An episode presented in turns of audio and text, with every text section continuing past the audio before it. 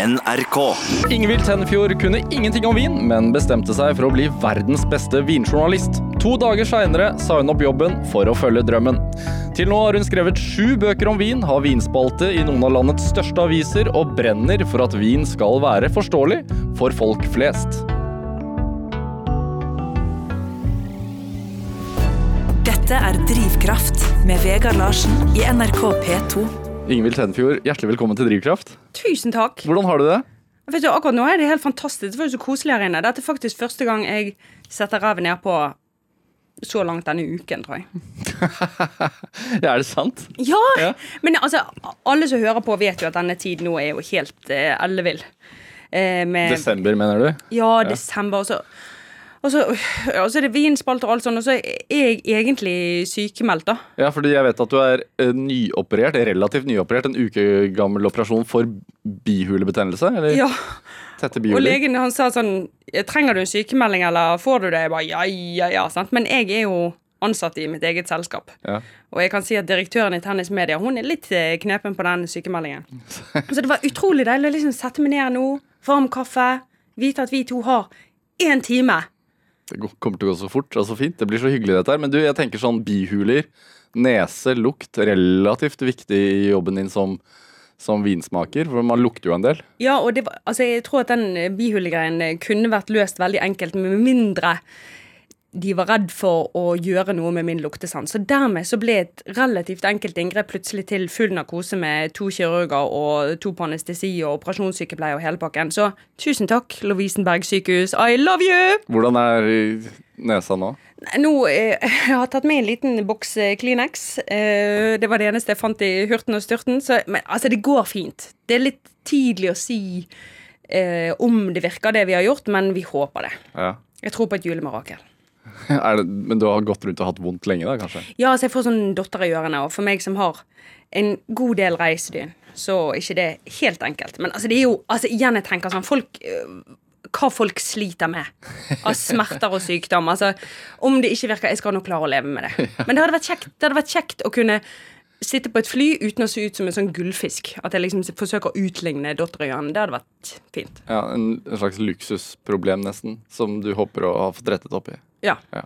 Eh, altså, eh, du og jeg har, har jobbet sammen i Dagbladet. Ja. Eh, det er et halvt liv siden. Eh, vi jobbet ikke veldig tett og kjente ikke hverandre ikke veldig godt, men du Nei, det var fordi du var så kul. Jeg var ikke så kul. eh, Jeg var flink, du var kul. Nei da, jeg bare tuller. Er det ikke sånn Jeg, jeg følte jo det motsatte. Syns du jeg var kul på den tiden? Ja, jeg, jeg følte det. Men, men i hvert fall Altså, det, alle, alle lytterne hørte nå at det der, det sa du bare for det er greit. Men det er greit. Det er greit. Men du, du skrev um, artikler i Dagbladet Magasinet. um, og, jeg, og selv om ikke vi kjente hverandre sånn veldig godt, så får man jo et inntrykk av folk. Og jeg fikk et inntrykk av deg den gangen at du ikke var Altså, du, du slo meg ikke som den som var mest vinopptatt. Nei. Eh, hva, hva var ditt forhold til vindrikking for sånn 10-12 år siden? Eh, altså, jeg, jeg, jeg tror jo det at Altså, vi drakk mest pils da, på stoppressen. Ja. Vi drakk mye pils på stoppressen. Jeg mener, husker at du var med en god del ganger òg. Eh, men vininteressen for folk setter jo stort sett inn i begynnelsen av 30-årene. Altså Når de får barn, de får kanskje bedre råd. De- skal ikke så mye ut på byen og investere i Ringnes og chilinøtter. Og jeg har eh, En av de tingene jeg liker med meg sjøl, er at jeg er veldig nysgjerrig, og jeg er veldig prosjektorientert i hodet. Så jeg fikk veldig sånn derre hmm, Nå skal jeg lære meg mer om mat. Kjempeenkelt å lære seg mer om mat. Altså, det er blogger, det er kokebøker, det er TV-programmer. Du, du trenger ikke kunne lese engang. Det er sånn det er blogger bare som ser ut som billedbøker. sant? Sånn steg for steg til en fransk ostesufflé. Det fins ikke noe lignende på vin. Sånn at når jeg stilte det enkle spørsmålet hva er greien med Chablis, så fant ikke jeg et svar på det. Nei, og det, Men var du sånn da Altså, var du sånn som gikk på Vinmonopolet og spurte, spurte etter noe godt til maten for liksom under 150 kroner? Typ. Og vet du hva jeg husker? Jeg husker møtet med de ansatte på Vinmonopolet som alltid var skjønne og velmenende. Og så sto jeg der, og så manglet jeg språk. Ja, de pratet over hodet ditt. Ja, de nei, nei. Det var akkurat sånn, de, de snakket til meg sånn Hva liker du da, sa de. Og så sier jeg Jeg liker sånn um, um, uh, og så manglet jeg språk. Noe som har gått til kjøtt. Noe som går til kjøtt, ja, og så sier de ja, skal den være fyldig, eller skal den være ah, Det var ikke så, det var ikke så Og det, det bare holdt på å gjøre meg sprø, for jeg merket jo at de straks er mot meg og forsøkte. Men for en som lever av språk, så er det utrolig frustrerende å ikke kunne si hva du vil ha på butikken. Ja, og, og, men det er litt sånn fordi jeg, jeg tror mange har det sånn litt at hvis man går på restaurant eksempel, og du skal velge en vin blant mange i en vinmeny, så, så kan man bli sånn Man syns det er litt ukomfortabelt. Uh, fordi man veit ikke hva man skal velge. Eh, hadde du det sånn en gang? Altså for her, her, kommer jo vi veldig til eh, den, den, Akkurat det der å velge vin på restaurantsituasjonen er kompleks fordi at eh, det er et fagområde som nesten ingen kan noe om. Altså, jeg, jeg pleier å anslå at det er rundt 10 000 mennesker i Norge som kan mye om vin. Til sammenligning så er det 15 000 som snakker lulesamisk. Så det er en, det er en minoritet. Ja. sant? Så, men når du sitter der på restaurant, så, så, forventer de da at du skal kunne noe om et fagområde som du ikke kan noe om. Samtidig så er jo vin også en veldig sosial markør. Sånn? Det er blitt viktig å hevde seg der. Sånn så man vil kanskje ikke vise at man ikke kan det? Nei, og derav uttrykket 'go for the second cheapest wine'. Jeg tror akkurat det mange gjør. Sånn de tar ikke husets vin, de tar ikke den dyreste, eller så tar de, de tar the second cheapest wine, eller så tar de en de klarer å uttale. For eksempel Chablis. Det er enklere å velge Chablis enn «Gryna Weltliner eller Chateauneuf de Pop. Ja, det, men, men er, det, er, det, er det, det er en sånn sosial markør som, som gjør oss litt ukomfortable i mange lag. Da. Hvorfor er det sånn eh, med oss nordmenn at vi liker å drikke vin, men ikke kan så mye om det? For det, jeg, tror, jeg tror at, at, mange føler at de burde kunne noe om det. Altså, Vi er jo en høyt utdannet befolkning. Vi er belest og bereist. Vi har penger å bruke på vin. Og likevel så er dette et av de områdene der kunnskapen er så låst og utilgjengelig. Og jeg, jeg synes jo at, at um, for å vise sosial identitet eller kulturell overlegenhet, så skal man jo helst ha tilgang til noe som mange ikke har tilgang til. I Norge så har mange tilgang til å kjøpe en Tesla, de har tilgang til å kjøpe en Louis Vuitton-veske, men akkurat det der med å ha den akademiske tilgangen til å forstå vin, det har vært lenge et veldig smalt nåløye, og det irriterte meg. Ja, ikke sant. Og det, dette her var jo eh, tilbake i 2011-2012 eller noe sånt, var det ikke det da? April 2012. Ja, og det var Du sa opp jobben din på dagen nesten. Altså, forteller om dette her. Altså, nå, nå, har jeg bestemt meg for å snakke så sant som mulig. Ja. Så jeg hører at det du presenterer der, det er den offisielle historien. Ja, ok, det er ikke den sanne? nei, det er ikke den sanne, altså. eh, Her altså, kommer det frem. Ja, nå, nå, bare tar jeg det veldig komprimert, fordi at jeg hadde lyst til å lære meg om vin. Og uh, som journalist så kan du søke noen etterutdanningsmidler. Jeg trodde selvfølgelig ikke at jeg skulle få de pengene. Og jeg trodde at det var fire mennesker som skulle lese denne søknaden. Sånn at når jeg skrev internsøknad, så var ikke det farlig å skrive en overskrift som sånn 'Jeg skal bli verdens beste vinjournalist'. Ja, for det skrev du? Det skrev jeg. Ja. Uh, jeg har jo jobbet i Dagbladet, jeg er jo vant til å jazze ting litt opp. uh, men så uh, fikk jeg pengene. Søknaden ble offentliggjort. Og i rekken av da journalister som hadde søkt støtte til eh, portrettkurs i Marrakech, eller spanskkurs, så sto 'Bli verdens beste vinjournalist' og lyste. Ja, og, og altså, Søknader generelt bryr jo folk seg ikke om, men journalister er kanskje litt mer sånn navlebeskuende. da. Så... Eh, så hadde jeg jo også en jobb som veldig mange ville ha. Jeg hadde et eget intervju i magasinet Dagbladet, ja. som jo hadde vært min drøm da jeg gikk på Journalisthøgskolen. Eh, så det ringte en journalist og sa sånn Jaså, du skal bli verdens beste vinjournalist. Og jeg og du har helt sikkert intervjuet mange nok damer som trekker seg. Så jeg skjønte hva som hadde skjedd, og jeg skjønte at jeg kan ikke forklare. Jeg kan ikke nyansere. Enten så må du bare hoppe nå, eller så driter du i det. Så jeg hørte min egen sprukne stemme si Ja, jeg skal bli verdens beste vinjournalist. Dette er Drivkraft med Vegard Larsen i NRK P2. Og i dag har vi vinekspert og eh, forfatter Ingvild Tenfjord her. Eh, du forteller om da du hoppet eh, og bestemte deg for å bli verdens beste vinjournalist på dagen, så å si. Litt med pistolen mot tinning. Mildt sagt. Fordi at altså, du, altså, jeg vet ikke, jeg hadde jo en Vi hadde jo en herlig sjef i Dagbladet den gangen som vi kalte Halvorsen. Han var en sånn ordentlig brumlebass. Og det gikk jo 20 minutter før han ringte og sa 'Hva i huleste dette Tenfjord?' Og så øh, ja, Altså, det ene tok det andre. Og etterfølgeren min måtte på plass, og ja. Jeg, jeg hadde sett for meg kanskje en sånn svak utfasing, og plutselig så hadde jeg ikke jobb lenger. Så. Og så var det offentliggjort. Fikk, fikk, fikk du fyken, eller gikk du? Jeg gikk jo at, altså, jeg, jeg sa sånn at, at jeg vil ha denne jobben til jeg er ferdig utdannet. Så sa han ja, men Eivind Sæther som skal være din etterfølger, han har akkurat vunnet den store journalistprisen og holder på å bli kuppet til VG. Sånn at han måtte ha noe å legge på bordet. Ja. Og det ble jo da min jobb. For altså, jeg hadde jo gått ut og sagt at jeg ikke skulle jobbe der lenger. Men, men, men eh, du sier deg opp jobben og reiser hjem. Hva sa mannen din, da? Ja. Han kommer hjem og finner meg i, i fosterstilling på sofaen, eh, nesten ute av stand til å snakke. Og det er her, damer, jeg vil bare si, lykken er å være gift med en lærer med jevnt godt humør. Jeg sa, Klaus, jeg tror ikke jeg har inntekt til neste året. Nei, for du hadde ikke det. Du hadde ikke noe Du hadde ikke noe fallnett. Du hadde ikke noe Nei, jeg hadde jo, altså, jeg, had- jeg trodde jo at jeg hadde en plan. Hvor stort var det stipendet på? Nei, det var jo ikke så mye. Jeg husker faktisk ikke. Men det var liksom nok til å, å få meg i gang med utdannelsen. Um, og så hadde jo jeg en plan om å begynne på vinkelnerutdanningen, men jeg fikk ikke lov å begynne fordi jeg ikke hadde fagbrev som kokk eller servitør.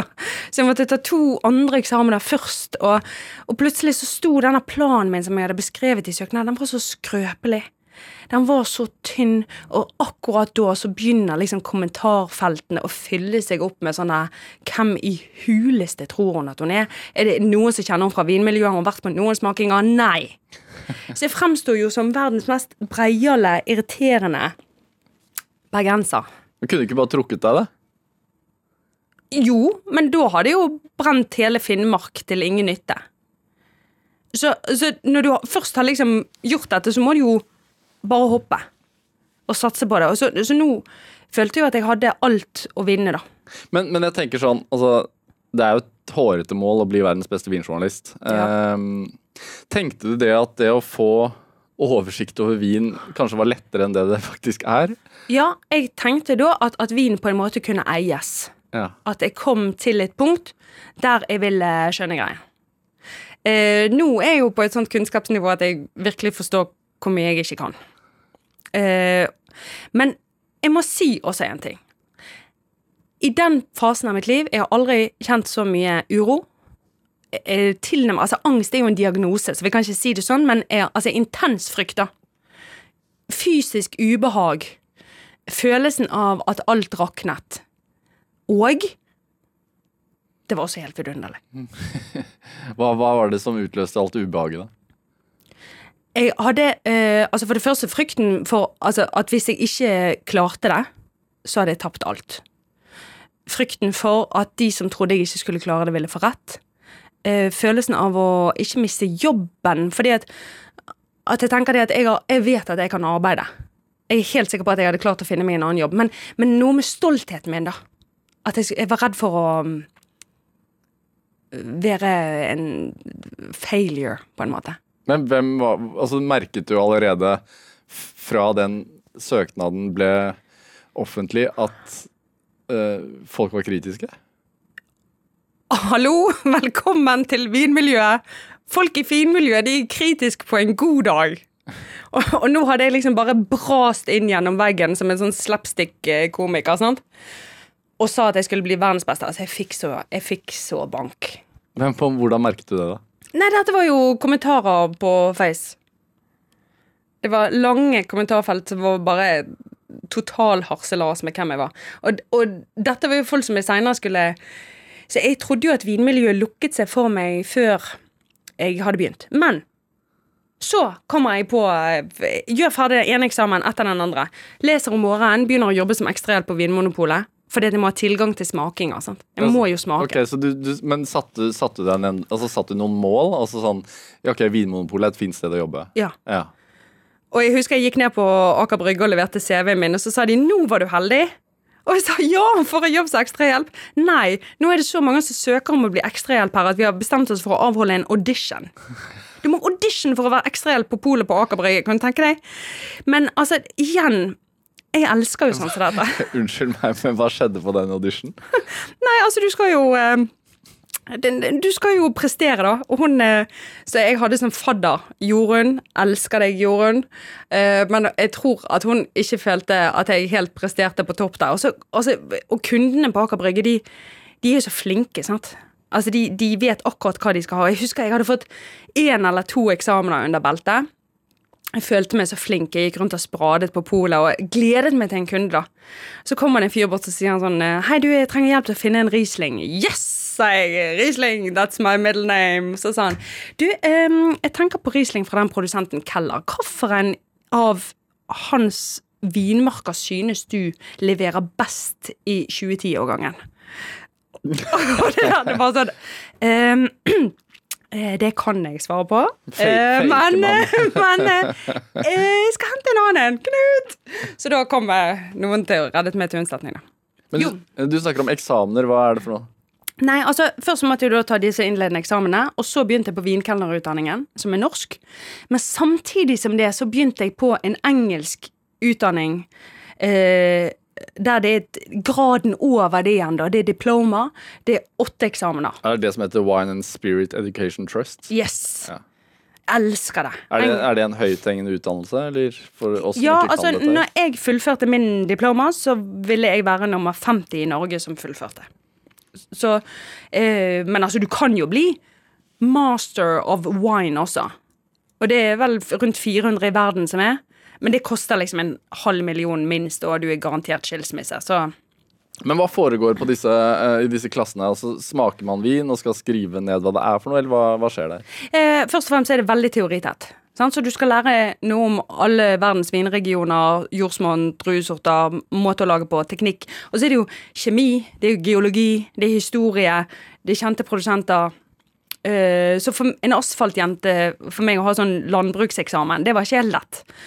Eh, og så er det jo rett og slett smaking. Altså vi må få på plass grunnleggende duft- og smaksteknikk, og så må, du, og så må vi bli enige om hva lukter hva. Jeg husker det var en, en medelev som sa 'Jeg synes dette lukter våt hund'. Og så sa læreren 'nei'. Ja, men jeg syns Nei. Det er bare sånn Vi skal inn i en fold. Vi skal ha en felles forståelse, da. Jeg skjønner jo nå hvorfor folk kan synes det er litt utfordrende å bestille vin. da. Ikke minst. Og så er det jo da ekstremt mye smaking. Smakspytt, smakspytt, smak, spytt, smak, spytt. Og, så, og når jeg begynte på diplomautdannelsen, så var jo den, det er en klasse som besto utelukkende av folk som hadde jobbet med vin i fem år eller meg. Mer. Også meg. Og jeg husker det at jeg kom inn i lunsjen, og der satt jeg og diskuterte Franciacorta. Hva er det? Det er italienernes champagnekopi. Og jeg visste ikke hva det var. Jeg måtte gå ut på do og google Franciacorta. Og jeg følte meg så teit. Jeg følte meg så teit. Men det, skjedde det underveis også etter at du hadde bestemt deg for at ok, jeg har sagt dette her, jeg skal jaggu meg gjøre mitt beste forsøk på å klare det. Hendte det at du underveis da i opptreningen angra? Angret og angret, fru Blom. Altså, jeg, eh, jeg var jo liksom hele tiden i tvil om jeg kom til å klare det, da.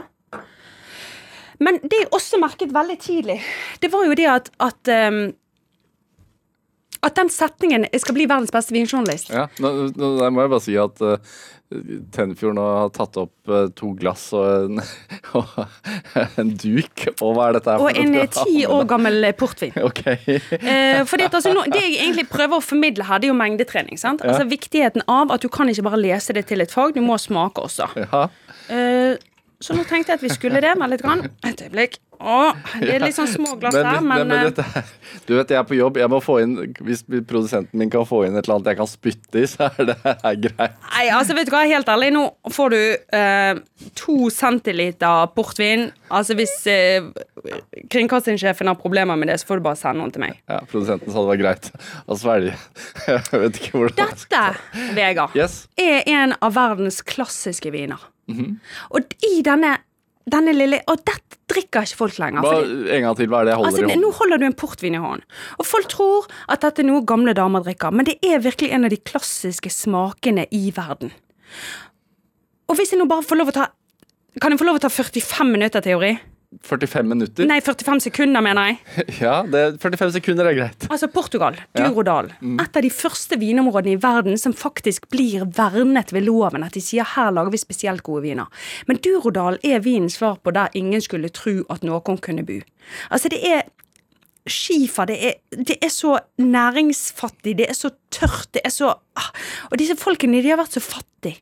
Sånn at hvis du skulle plante vinstokker, så måtte de hugge inn i fjellet. Så hele Durodal er terrassert. Og her laget de fantastiske viner, men det er først med handelskrigene mellom England og Frankrike at, at det virkelig begynner, engelskmennene begynner å lete etter andre steder å finne vin. Unge menn fra England og Skottland kommer til Portugal. Eh, de må tilsette sprit til vinen for å få den til England uten at det blir eddik. Men så er det én ung gutt fra Andrew, het han, fra Glasgow. Han oppdager at i et kloster så tilsetter de sprit før vinen er ferdig, gjæret. Sånn at det er altså sødme i vinen. Og dette, dette er jo bare fantastisk godt. Ser du, jeg får gåsehud bare jeg snakker om det. Dette er smaken av jul. Men, ok, skal vi smake? Hva skal jeg smake? Hva skal jeg sp Nyt! Nyt! Ser du? er det ikke det jeg skal smake? Kjenne etter? Lukte? Skal jeg lukte? Ta gurgle den litt. Grann. Våt hund? Nei, det var Hvis du bare skyller den litt gjennom en gang.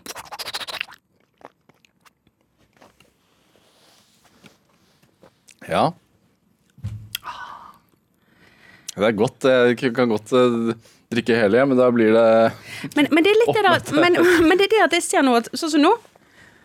Nå tok ikke du den vinen helt inn. Fordi at du ble engstelig nå for å gjøre feil. Du lurte på eh, hvordan gjør jeg dette. Eh, eh, kan jeg, eller sant?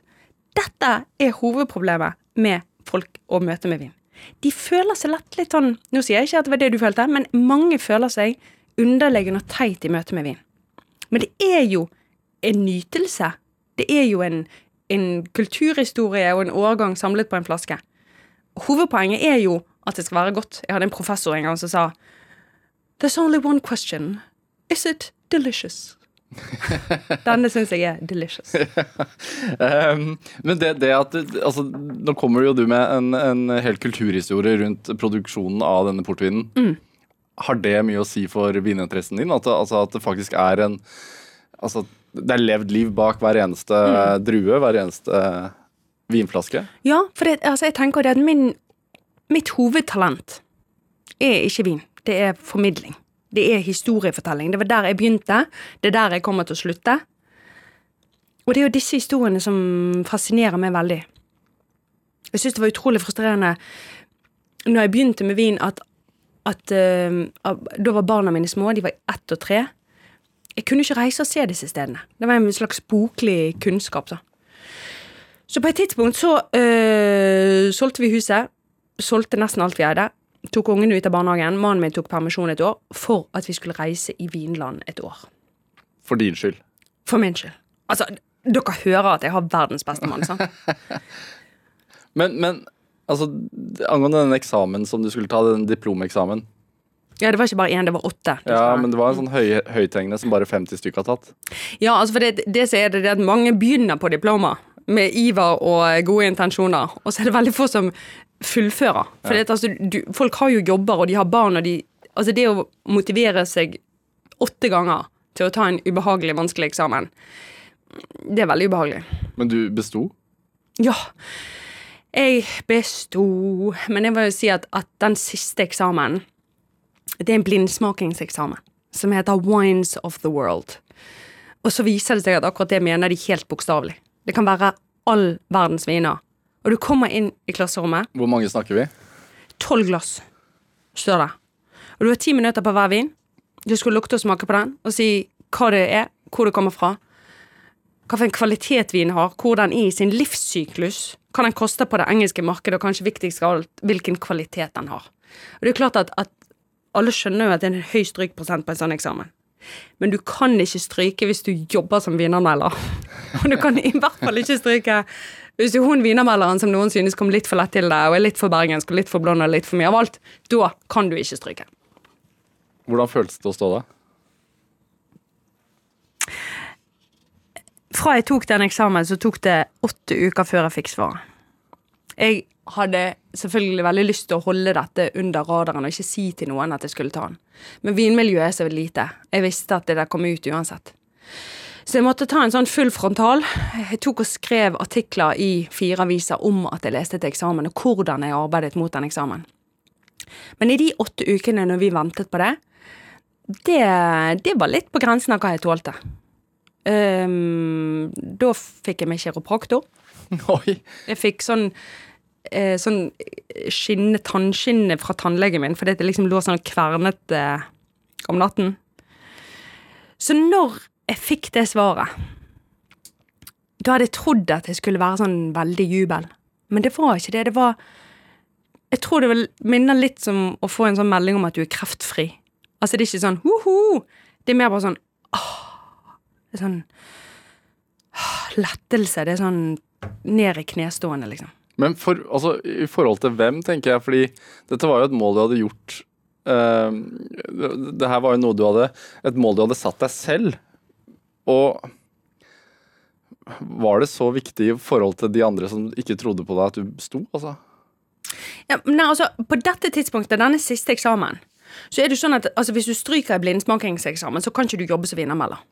Så jeg, jeg, jeg, jeg synes at, at på en måte dette var selve Altså Hvis jeg hadde strøket på den, så måtte jeg ringt til sjefen min og sagt jeg vet ikke helt om jeg kan ha denne jobben.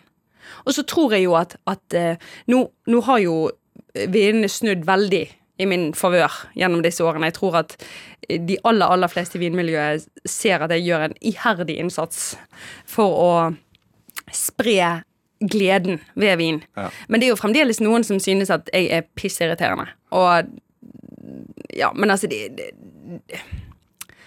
Men jeg, jeg tror jo aldri at jeg kommer til å få deres anerkjennelse, liksom. Altså, det er ikke viktig for meg lenger. Men, men her var det rett og slett rent faktisk. Altså, skal du jobbe som kirurg, så må du kunne jobben din. Skal du jobbe som tannlege, så må du kunne bore rett. Og skal du jobbe som vinermelder, da må du søren meg klare å stå på den eksamen. Og det har gått bra. da. Du har jo eh, skrevet syv vinbøker. Du har spalte i noen av de største avisene i landet. Eh, du holder foredrag om vindrikking. Eh, og vinreiser eh, arrangerer du. Eh, hvor mye vin smaker du på en uke? Det går mer syklisk enn det. Eh, hver åttende uke slippes det rundt 1000 nye viner på det norske markedet. Så jeg forsøker å smake 1000 viner hver åttende uke. Men du fordeler det, da. Ja, altså, altså når jeg begynte, så var det én sånn smakeuke. Eh, som ble ti dager. Nå er det drøye. Nå er det lubne to uker. Så det som har skjedd i løpet av disse årene jeg har arbeidet som vinanmelder, er at det er for mange importører. Det er for mye vin på det norske markedet. Når du går inn på polet ditt, hvis du går inn på et stort pol, så ser du 2500 varer i hyllen. Men du har tilgang til 24 000 produkter. Altså man kan bestille. Ja. Ja. Så det er liksom i det usynlige bestillingsutvalget at det virkelig den store dynamikken skjer.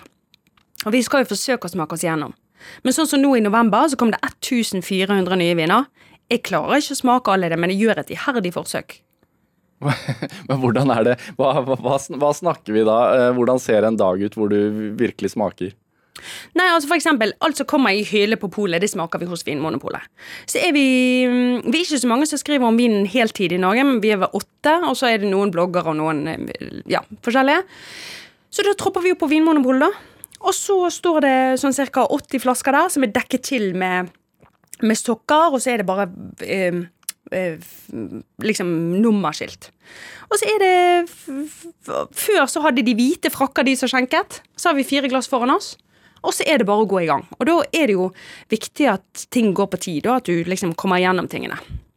Så da er det smaksbytt, smaksbytt, smaksbytt, smaksbytt. Er det sånn når du kommer hjem da etter endt smaksdag, at du åpner en flaske for å kose deg på kvelden, eller? Nei. Nei. Da er det sånn at hvis, altså hvis jeg skal drikke alkohol over hodet Ja. I de periodene så pleier jeg ikke å drikke noen ting. Men hvis jeg skal drikke noe alkohol, da så vil jeg bare ha noe som ikke snakker til meg. Altså Da vil jeg ha en pils. En industripils. Det skal ikke være noe sånn håndverksshite. håndverksskite. Det skal bare være åh. Eller gin tonic. Men, men, men det er ikke sånn da, fordi nå du har med deg en portvin i studio klokken er halv tolv om morgenen. Man, kan man bli litt sånn arbeidsskada av dette her, eller? Nei. Nei. Uh, og det er fordi at, at um, Jeg tror at hvis du har problemer med selvkontroll, uh, så kan ikke du ha denne jobben. Eh, Så jeg har ganske lange perioder der jeg ikke drikker alkohol overhodet. Men jeg tror jo at, at måten jeg bruker alkohol på sjøl, har endret seg. Uh, Hvordan da? ah, dette er litt vanskelig å snakke om, for jeg på en måte har jo gjort en karriere av å ikke bli en snobb. men, jeg, men jeg kjenner oftere, dessverre så kjenner jeg oftere at det ikke er helt verdt det. Ja. At en flaske du åpner, er- den er ikke verdt å Nei, altså, jeg skal liksom litt opp i ja, Det skal være noe med det, da. Og så, og så drikker mannen min kjempelite. Uh, og så blir det liksom ikke verdt helt å åpne en flaske og sånn, sant. Så um, Jeg vet ikke. men, men er det sånn, da? Altså at en vin til f.eks. 10 000 kroner smaker bedre enn en, enn en vin som koster 350 kroner? Eller er det det at man veit at man drikker veldig dyre, edle dråper? Eh, altså, nå, nå kom du opp i den prisklassen 10 000. Sant? Altså, verdens dyreste vin. Den har jeg smakt noen ganger. Veldig god. Veldig god. Men Koster eh, den koster 52 000. Men men det som er, men du har ikke kjøpt den selv. Det er jo det som er greien med å være vinanmelder. At da får du jo skjenket dette. Sant? ja. Um, Men hva er det som gjør den verdt 52 000 kroner? Det er vel bare fordi at den er ekstremt sjelden? Ja, altså her er på en måte hovedpoenget tilgang, men det er også en fantastisk kickass bra vin. Men her er det eh, en Hver sluk, veldig god hver veldig, sluk koster eh, 5000 kroner. Vet du hva, jeg var en gang eh, på en smaking i Danmark. Var, og der vi, var, vi skulle smake liksom noen av verdens dyreste viner. Jeg hadde, jeg hadde vin i glasset for 130 000 foran meg. Og da blir det veldig viktig, og igjen selvkontroll er veldig viktig. sant? Da er det en som sitter og forklarer oss om vinene. Ingen ser på vinene, og så sier han ja, men skal vi måske smake litt vin? Og så sier alle sånn åh, gud, oh, der står det noen vinglass. Mm, sant? Og så lukter vi på vinen, men vi smaker ikke. Og så smaker vi. Og så det, det, det er sånn Det er en, et rituale, da. Spytter du ut den vinen? Nei, nei, det gjorde jeg ikke. Men mannen min, altså igjen, den, den trofaste bautaen i denne historien Han var jo da ute i resepsjonen og passet ungene, og jeg sparte litt av hver vin til han. Og han kom inn og sa Klaus, Klaus, du må smake dette. Dette er liksom verdens dyreste vin. Og han tok en slurk og var sånn mm, den var veldig god. Ja. Men er, er ikke det en, en naturlig reaksjon på det? Jo, det er jo det, men, men han, han, på en måte, han har ingen sånn ærefrykt i forhold til det. Han er bare sånn hmm, kjempegod. Men, men altså sånn rent faktisk sånn altså, For det lurer jeg litt på. Altså, når en vin, verdens dyreste vin koster 52 000 kroner, eller noe sånt, og, og jo sjeldnere, jo dyrere. eh, jo færre eksemplarer, jo dyrere. Eh, man har jo vinauksjoner hvor folk eh, handler vin for uh, oppimot en million, ikke sant? Sånn, eh, det, er, det er jo ikke lenger smaken som er viktig. Det er det å eie Da, den, da er det det er å ha komplekst, men altså, jeg, jeg tror at egentlig så er dette enklere hvis vi bare tar det ned Hvis vi tar det ned i prisklasse, da. Jeg hører Altså, 150 det er fremdeles sånn smertegrensen på vin for veldig mange. Og det jeg hører veldig ofte, det er sånn, sånn Ja, 150 kroner. ja, snakker vi om nå. 150 kroner, sant? Så, så, jeg hører veldig mange som sier sånn «Ah, 'Ikke vits å bruke penger på meg, jeg, liksom, jeg, alt går i grisen, jeg kjenner ikke forskjell'. Jo da, du kjenner forskjell.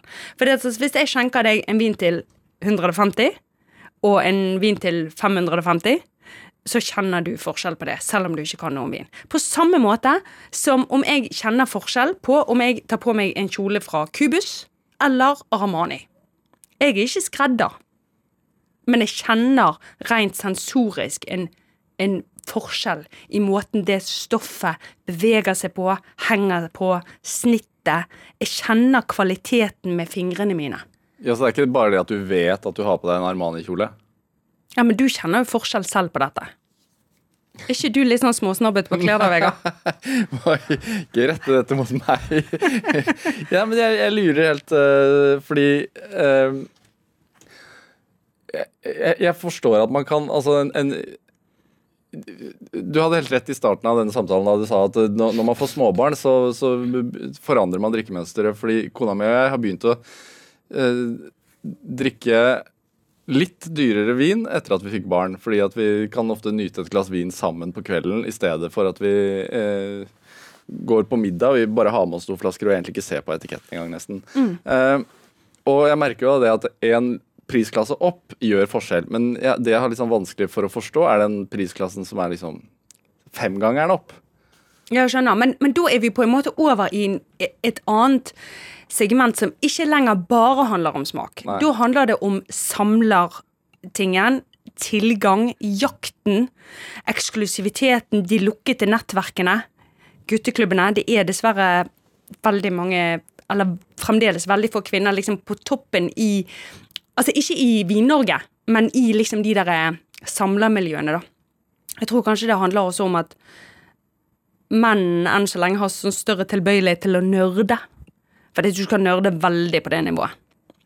Eh, men hva var spørsmålet? Eh, nå, nå, nå Nei, jeg bare lurte på om det faktisk er en merkbar kvalitetsforskjell i smak. Jeg, eh, Ja, det er det. det, er, det. Fordi at, altså, det, du, det du merker, det er det at altså, på en måte viften av duft blir bredere. Munnfølelsen blir mykere. Ettersmak Altså hele smakseksplosjonen blir, blir tydeligere. Men må man kunne noe om vin for å merke dette her, eller? Nei. Det, og det- det er her folk jeg synes veldig ofte tar feil. Fordi de tror at de ikke kan merke det. Du kan merke det. Veldig lett. Men det jeg tror du har, vil ha problemer med, det er å sette ord på hvorfor er det så behagelig for deg. Så jeg, jeg skjenker ofte vin i ulike prisklasser, og jeg, jeg opplever gang på gang at folk elsker den dyreste vinen, selv om de ikke vet at det er den dyreste vinen. Og så sier de 'Å, den var god'. Så sier jeg 'Hva var det Hva var det med den?' Nei, det er liksom Åh, han bare lukter så godt, og han fyller liksom, og han bare sånn Åh. Han liksom Det smaker så mye, liksom. Og det, ja. Holder det, da? Hvorfor skulle ikke det holde? Is it delicious? Yes! Dette er Drivkraft med Vegard Larsen i NRK P2. Og i dag så har vi forfatter og vinekspert Ingvild Tenfjord her hos meg. Eh, Du er som vi hører fra Bergen. Eh, Har du vokst opp selv i et, et hjem der vinen dekanteres og hentes opp fra støvete hyller nede i kjelleren? Nei, overhodet ikke. Eh, jeg eh, vokste opp eh, ganske preget av at min mor driver en musikk- og dramaskole i Bergen. Som i samme hus. Altså Eh. du har vokst opp i selve skolen? Ja, rett og slett i selve skolen. Sånn at altså, det var musikkskole i kjelleren første og andre og andre etasje, og så bodde vi i tredje etasje og på loftet. Så det har vært veldig mye sånn eh, Det har vært veldig mange barn inn og ut av huset. Eh, En lang stripe med korøvelser, teaterforestillinger, eh, fiolintimer. Hvordan, hvordan, hvordan, hvordan er det å vokse opp på en sånn scene som det er? Det, det er Det er veldig kjekt. Jeg, jeg føler jo at jeg har fått veldig mye musikk. Men jeg tror at, at kanskje det viktigste jeg synes oppveksten har gitt meg, det er å, å lære å jobbe. Altså at, at vi er en familiebedrift. Og vi kan ikke gi oss bare fordi vi ikke har lyst eller ikke føler for det. Skal vi tjene penger, så, er det, så må vi stå en økt. Og du også, som, som en del av uh, husholdet? Ja, altså jeg begynte å akkompagnere på de første teatergruppene da jeg var 13. Jeg hadde mine første teatergrupper fra jeg var 18. Eh, så jeg hadde ikke studielån. Sparte på BSU.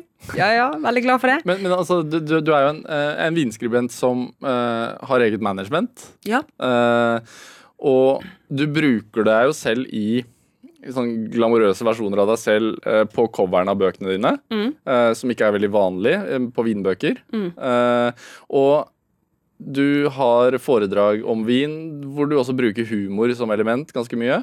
Du er jo du er et showmenneske. Jeg er et showmenneske. Hvor, øhm, det er ikke så veldig vanlig i vinverdenen. Nei. Å, de trengte meg så veldig. Nei, men hvorfor ikke? Eh, jeg, jeg tror at eh, For det første så er dette et, et fag eh, som tiltrekker seg en bred vifte av mennesker, men kanskje litt overvekt av folk med et sterkt nerdegen. Som jeg også har. Eh, men det er det, det, altså det, Av og til tenker jeg litt på det der eh, Husker du han der eh, Knut Jørgen Rød Ødegård? Han er eh, astrofysikeren. Jeg, føler at jeg er litt sånn som han, i et miljø der, der man anerkjenner eh, Der formidling ikke er en veldig anerkjent verdi. Nei. Jeg trodde jo når jeg kom inn i vinmiljøet at alle egentlig forsøkte å formidle, de var bare kanskje ikke så flinke til det. Men jeg har jo skjønt at nei, de, de har ikke De har ikke egentlig et mål om å formidle bredt. De har et mål om å formidle til noen få.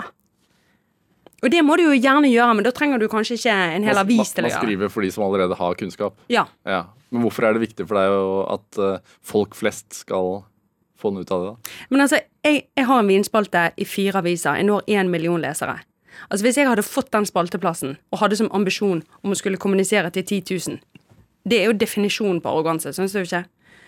Jeg synes at, at um, vin er et fag, men det er ikke kvantefysikk. Og det er fullt mulig å tilegne seg nok kunnskap til at du får en mye større og rikere smaksopplevelse. Altså I Norge så er man jo eh, litt i overkant glad i viner som har blitt tilsatt mye sukker. Ikke lenger? Nei, men man var det i hvert fall. Ja. Har det vært en av dine liksom kampsaker og få, få, få dette bort? Um, nei, jeg har tidlig tatt Jeg, jeg har én gang skrevet slakt av vin. Og jeg bestemte meg for å ikke gjøre det. Hvorfor det? Uh, fordi at For det første så er det forbrukeropplysninger at, at de fleste trenger ikke vite hvilke viner de ikke skal kjøpe. Eh, de trenger å vite hva som fungerer. Siden det er så mye på markedet. Ja. Og så er det igjen også det der å, å si sånn ha-ha, liker du den, liksom. Det er med å, å shame folk ytterligere. Folk, folk føler seg underlegne nok som det er. Så det, og det jeg opplever også, det er jo at, at folk er veldig interessert. Og de tilegner seg kunnskap kjemperaskt. Du må bare forklare dem hvorfor. Sånn at Hvis bare viljen ligger der, så går det helt fint. Og så er det også dette det at folk ønsker viner som smaker mye og smaker rundt. Og jeg tror at akkurat det uttrykket tørr rødvin har ødelagt ganske mye. Når vi snakker om tørr rødvin, så mener vi også en vin uten sukker, altså med nesten gjæret tørr. Men folk tenker jo på sprukken albu, kritt, eh, sand, kalk, treverk. Sant? Altså de, de får assosiasjoner til noe annet. Og så har de lyst på en bløt og myk rødvin. Men du kan godt få en raus, fyldig smak uten sukker. Der sukkeret er gjæret ut, men druene har vært moden nok. Hvorfor tror du vi er i verdenstoppen med sukkerinnhold? Ja, men vi er ikke det. Ja, vært det, Nei, altså. nei, altså, vet du, nå snakker du oss ned. Norge er hva vi kan kalle et modent vinmarked. Og vi har en ganske annerledes utvalg enn Systembolaget, f.eks. Systembolaget, der er det mye sukkerbomber. Der, er det mye sånn, der har de vært mye mer prisbevisst. og gått liksom etter billigviner fra nye verdenland, altså utenfor Europa. Mens i Norge så er det en håndfull mennesker som har styrt utviklingen i retning klassiske vinregioner, viner med lite sukker. Altså, vi- har et knallutvalg. Er, du, er, er du glad som, som vinkjenner Er du glad i Vinmonopolet? Jeg er oppriktig glad i Vinmonopolet. Og så eh, ser jeg at de gjør feil. Og så ser jeg at de av og til satser på ting som er feil. Og jeg ser at kunne utvalget vært annerledes, kunne sorteringsnøkkel fungert bedre? Absolutt. Men alt i alt så har vi rett og slett verdens beste faghandel. Og jeg tror at alle som hører på, har en opplevelse av at de går inn på polet, og så får de faglig dyktig hjelp. Det skal vi være veldig takknemlige for. Men du må vite at dette er i fare. Er, vi, vi lever på dispensasjon fra EØS-reglementet, for det, det er en monopolsituasjon. sant? Så eh, åh, jeg, jeg blir veldig lei meg hvis det blir vin på Rema. altså. Ja, hva skjer da, tror du? Da kommer du inn på polet, og så står det en 16-åring der som skal eh, fortelle deg hva du skal drikke til kalkun. Vi har ikke lyst på det. Vi vet alle hva vi Vi vet alle hva 16-åringer drikker. Uh, Ingvild Kjellfold, altså, du, bestemte deg uh, i 2012 for å bli uh, verdens beste vinjournalist. Uh, det, det er gått syv år. Tenker du at du har lykkes? Eh, altså, nå er jeg plutselig i en ny situasjon. Der ting går så vanvittig bra. Eh, og, og akkurat nå er jeg inne i en sånn eh, fase der jeg er litt sånn eh, reflekterende og selvkritisk. Fordi at i de årene når jeg skulle hele tiden kjempe for overlevelse og jeg måtte bestå eksamen, og det var sånn klar, Klarer jeg dette før boken går i trykken? Klarer jeg dette? Altså Alt var sånn liv og død hele tiden. Så tenkte jeg frem mot denne tiden. Tenk når jeg kan høste av det jeg har sådd. Tenk når ting er mer strømlinjeformet. Tenk om jeg en dag får meg et eget management som hjelper meg å lage turneer og bestille flybilletter og sånne ting. Eh, og så nå har jeg det. Eh, og så lærer jeg nå om meg sjøl at det viser seg dessverre at jeg er litt hektet på vekst. Hva, mener du med det? Jeg vet ikke, jeg liker denne følelsen av å være i strekk. Og så plutselig, når, når ting går så bra, da, så får jeg litt Jeg får nesten litt sånn tap av mening. Jeg blir litt sånn Jaha, hva skal jeg nå? Tror du, tror du det er en følelse altså Jeg tror det er en følelse mange kan føle på. Altså at når man har nådd et mål, så leter man etter neste mål istedenfor å nyte utsikten fra der man er. Og jeg har egentlig ikke lyst til å være en sånn. Jeg har lyst til å være en sånn som nyter utsikten. Og, og, det, og altså det er jo klart at, at dette jeg har vært gjennom disse årene, det har jo hatt en kostnad for meg, men ikke minst for familien min. Sant? Eh, altså, igjen Klausen. Hva han har vært, eh, stått i av tålmodighet og, og liksom eh, følelsesmessig opp- og nedturer og seire og nederlag og hele pakken.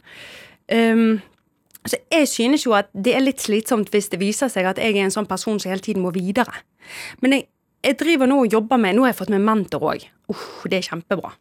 Sånn kvinnelig toppleder som klarer liksom å sette ord Altså, hun kan jo forretningsstrategi, hun kan jo organisasjonspsykologi og ledelse, det kan jo ikke jeg. Men hun klarer å sette ord på noen ting da som jeg og, det, og jeg innser at jeg elsker å lære ting. Jeg elsker å være i motbakke, og jeg elsker å være i strekk. Og så er spørsmålet da, kan jeg klare det uten at det er såpass strekk at det gjør vondt? Kan jeg klare å, å gjøre, lære meg litt noe nytt på siden, samtidig som jeg fortsetter å jobbe med det? Disse er de tingene jeg jobber med nå. Og hva, hva, hva tror du blir fasit? Jeg vet ikke, jeg jobber med det nå. Men sånn som så idet jeg kom inn i studio i dag, så fortalte du om, om at du har hatt en gjest, eh, Heinrich Jung, Ja, han var her i går. eh, som eh, fortalte det at han liksom sa opp jobben for å bli grisebonde. Og når du forteller meg sånne ting, så kjenner jeg en sånn spark inni meg. Kjenner en sånn gnist. da. Jeg får sånn «Åh!» Og da får jeg sånn kjempe, kjempelyst til å, å ringe til Heinrich. Jeg får lyst til å Ja, fordi si sånn- det du sa til meg da, var sånn Ja, jeg lurer faktisk på om jeg skal bli slakter. Ja, altså, jeg, jeg hadde elsket Jeg hadde elsket det. Jeg hadde elsket å lære slakterfaget. Jeg hadde elsket å jobbe på restaurant. Jeg hadde elsket å lære mer om klassisk musikk. Jeg kunne tenke meg å ta sånn musikkvitenskap. Jeg hadde For det synes jo at, at klassisk musikk har et litt lignende formidlingsproblem som vin. Men, men, men så nå har jeg bestemt meg sjøl at jeg skal ikke ta flere sånne kamikazehopp i er fordi livet. du vet du har muligheten nå, direkte på radio, og det er jo Jeg skal bli verdens beste slakter! Nei da, jeg skal ikke det. Men, men, men altså nå jeg, Akkurat i disse dagene her, så rett og slett jobber jeg litt med hva hva jeg, jeg håper å si hva gir meg glede, men det er mange ting som gir meg glede. Men egentlig det jeg jakter litt på, det er den følelsen av begeistring. Og jeg får veldig den møte, begeistringsfølelsen i møte med kunnskap. ja. Forrige mandag jeg ble rullet inn på operasjonssalen. Overlegen i anestesi kommer inn. Utrolig kul dame. Og hun begynner å fortelle meg hva hun skal gi meg. Og det er så interessant. Jeg bare kjenner, Da kjenner jeg sånn begeistring. Og jeg sier, men hvorfor er det sånn, da? Sant? Og, så, og så får vi en sånn intens fagsamtale der hun forklarer meg anestesien. Og jeg blir så begeistret av det. Sånne ting vil jeg ha mer av. Så du må bevege deg, rett og slett. Ja, Men, men jeg tenker sånn eh, det å, det å si opp jobben sin som eh, spaltist og skribent eh, Jeg skal ikke si opp jobben min, Nei, ikke- for sjefen min kommer til å høre på dette. Jeg men- sier ikke opp! Det, det, du gjorde jo det i 2012. ehm, og det å hoppe og bevege seg tidvis i liksom fritt fall, sånn som du gjorde, Mm. uten fallskjerm, er det Er det noe, liksom, noe visdom å hente der? Altså, fordi du har jo vist på mange vis at det, at det er fullt mulig å gjøre sånne ting.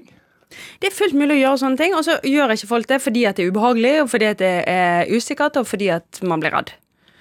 Eh, Jeg tror at en av de viktigste tingene jeg har lært meg, det er jo det at det ikke er farlig å være redd. Altså, vi, vi, vi er jo litt sånn hektet på kos i dette landet, sant? Altså at det skal være så koselig hele tiden. Men det er mye kraft i å være litt redd. Og så skal jo ikke det bikke, sant? Det skal ikke bikke over i angst, men Men litt smerte, kanskje litt mye smerte Kanskje Altså, det har Det har en verdi fordi at det får deg til å utforske rom i deg sjøl som du ikke hadde utforsket ellers. Men så var du jo privilegert, da, fordi du hadde jo en mann som sa det var greit. I og for seg. Jeg var superprivilegert fordi at jeg hadde et navn i journalistbransjen. Ja. Jeg hadde sjefer som trodde på meg, og som ga meg en sjanse. Jeg hadde en mann som støttet, og jeg hadde egentlig altså, Uten å ville det, så hadde jeg jo faktisk et konsept. Fordi at altså, Selv om jeg ble latterliggjort for den setningen 'jeg skal bli verdens beste vinjournalist', så tok det jo også en halvtime, og så ringte Bergens Tidende, og så ringte NRK. Det hjelper å snakke i overskrifter. Eh, altså jeg, før jeg satt her, så jobbet jeg mange år som, som filmkritiker, og, og etter hvert så merka jeg at, at jeg ble litt sånn lei av å måtte mene noe hele tiden om den nye filmen, for det kommer jo masse filmer hele tiden. Ble lei av å måtte mene noe om enhver ny film. Eh, og jeg ble også litt lei, merket jeg, at det første folk spurte meg om hvis jeg traff eh, et nytt menneske, var om jeg hadde et tips til en god film. Eh, kan du kjenne på liksom det samme som vinekspert? Jeg tror mannen min kjenner mer på det. Ja. Vi var på slektstreff for noen uker siden. Og det er eh, rett etter da den nye vinen fra Beaujolais sluppet, så jeg hadde med meg noen sånne flasker Beaujolais Nivå. Det er sikkert noen av dere som husker de vinene der.